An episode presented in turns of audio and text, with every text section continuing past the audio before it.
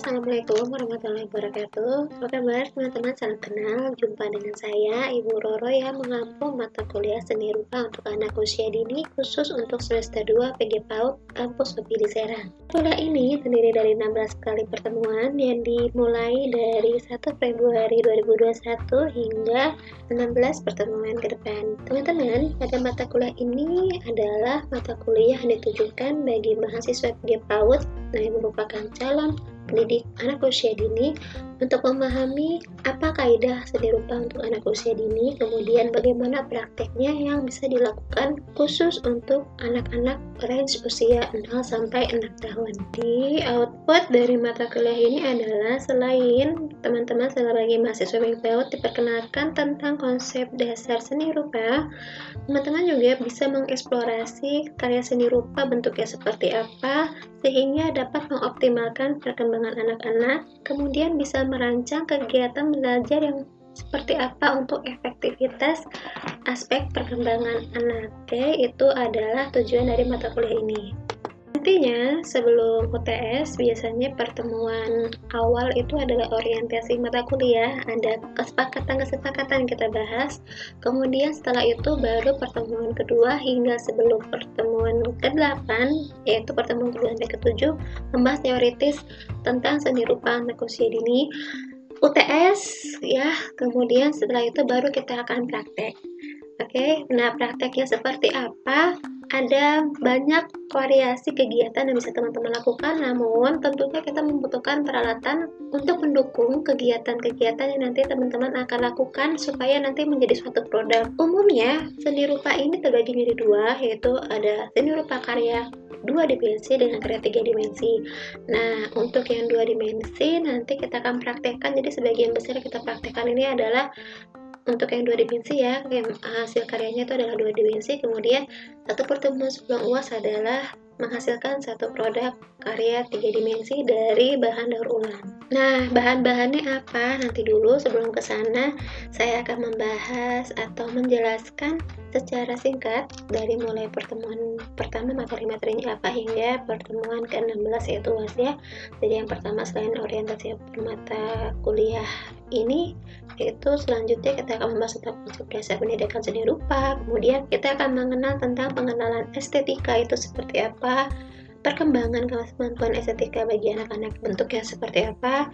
Selanjutnya adalah proses kreasi dan kreativitas dalam seni rupa. Selanjutnya pertemuan ke-6 insya Allah kita akan membahas pengenalan apresiasi dan kritik seni bagi karya seni yang sudah dihasilkan anak itu bentuknya seperti apa? Seperti yang kita ketahui bahwa trik mendekati anak-anak itu berbeda dengan orang dewasa ya. Jadi nanti teman-teman kita akan mencoba untuk sharing bentuknya seperti apa ya. Kemudian ada praktek gambar Nah, kemudian UTS. Jadi UTS di sini adalah bentuknya review dari pertemuan teori-teori yang teman-teman amati, teman-teman uh, kerjakan selain tugas-tugas nanti yang akan teman-teman selesaikan misinya. Itu nanti kita akan bentuk soal tertulis ya. Kemudian setelah itu baru kita praktek. Diawali praktek gambar sebenarnya di pertemuan ketujuh kemudian lebih intens lagi setelah UTS yaitu ada mewarnai mewarnai juga kita mencoba untuk dari krayon gradasi itu seperti apa ya. Kemudian dari spidol kemudian dari cat air belajar untuk mengenal namanya. Ada warna tersier ada warna sekunder ada warna primer pencampuran warna. Itu hal anak-anak harus tahu prosesnya seperti apa. Kemudian ada lagi kegiatannya itu adalah melipat origami ya. Kemudian adalah menggunting dan menempel ada banyak variannya, banyak pilihannya. Itu ada kolase, ada montase, ya, ada mozaik, itu juga berbeda serupa tetapi tidak sama. Kemudian ada lagi kegiatan membatik, membatik juga kita menggunakan banyak pilihan tisu, ada krayon, ada nanti dipakaikan, ada juga lilin ya. Kalau misalkan teman-teman mengenal malam ya, itu kita mensiasati dengan yang aman bagi anak menggunakan lilin putih. Seperti itu. Kemudian ada lagi melukis. Melukis ada bisa dengan benang. Kalau kanvas kan teman-teman sudah familiar ya. Ternyata dengan benang juga mungkin teman-teman pernah melihatnya dengan benang kasut bisa menggunakan seperti itu atau melukisnya dengan um, alat yang lain nanti kita akan praktekkan ya. Kemudian ada mencetak mencetak ini teman-teman pada dengan finger painting? Kita nanti akan mencoba membuat adonan finger painting. Kemudian ada umbi-umbian yang bisa nanti di stempel atau di stem ya.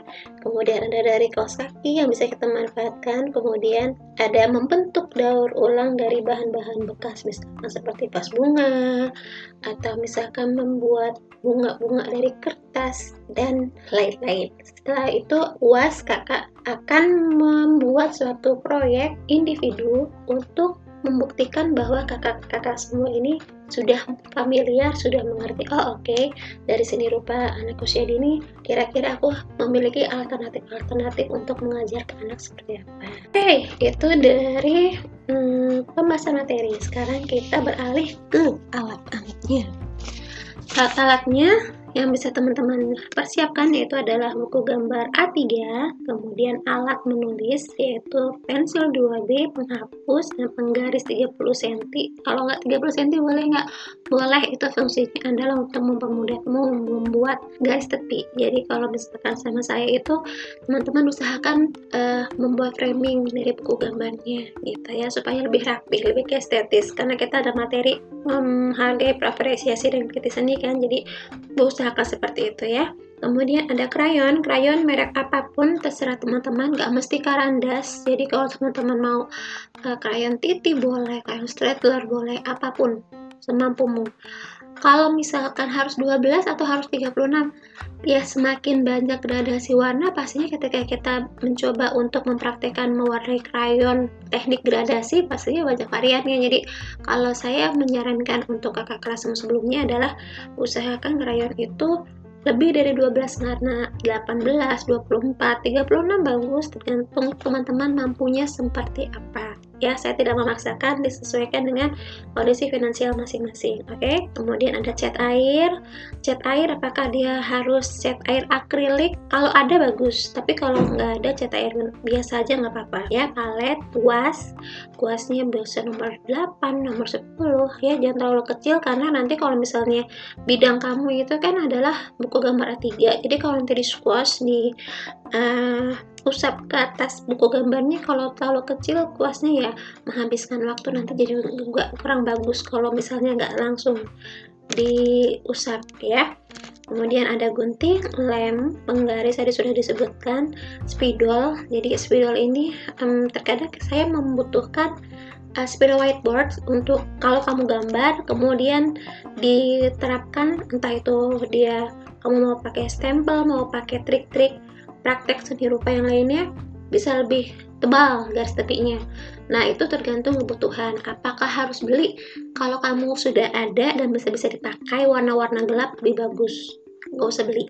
Ya, jadi alat-alat ini dipakai setelah pertemuan kapan? ya Bu kalau misalkan gambar itu nanti ditebalkan nggak iya tetapi itu nanti masih banyak waktu jadi teman-teman silakan nanti mulai dicicil pelan-pelan nggak apa-apa ya sebenarnya kalau misalkan tatap muka seperti ini kan um, lebih nyamannya dibagi dalam kelompok tetapi nggak apa-apa kita siasati sebisa kita supaya hasilnya tetap optimal oke okay?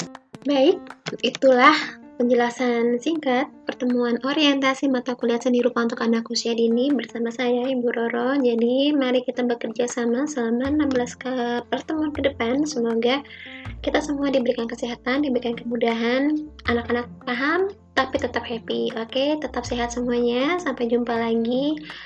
Mohon maaf apabila kurang jelas. Sampai jumpa. Assalamualaikum warahmatullahi wabarakatuh.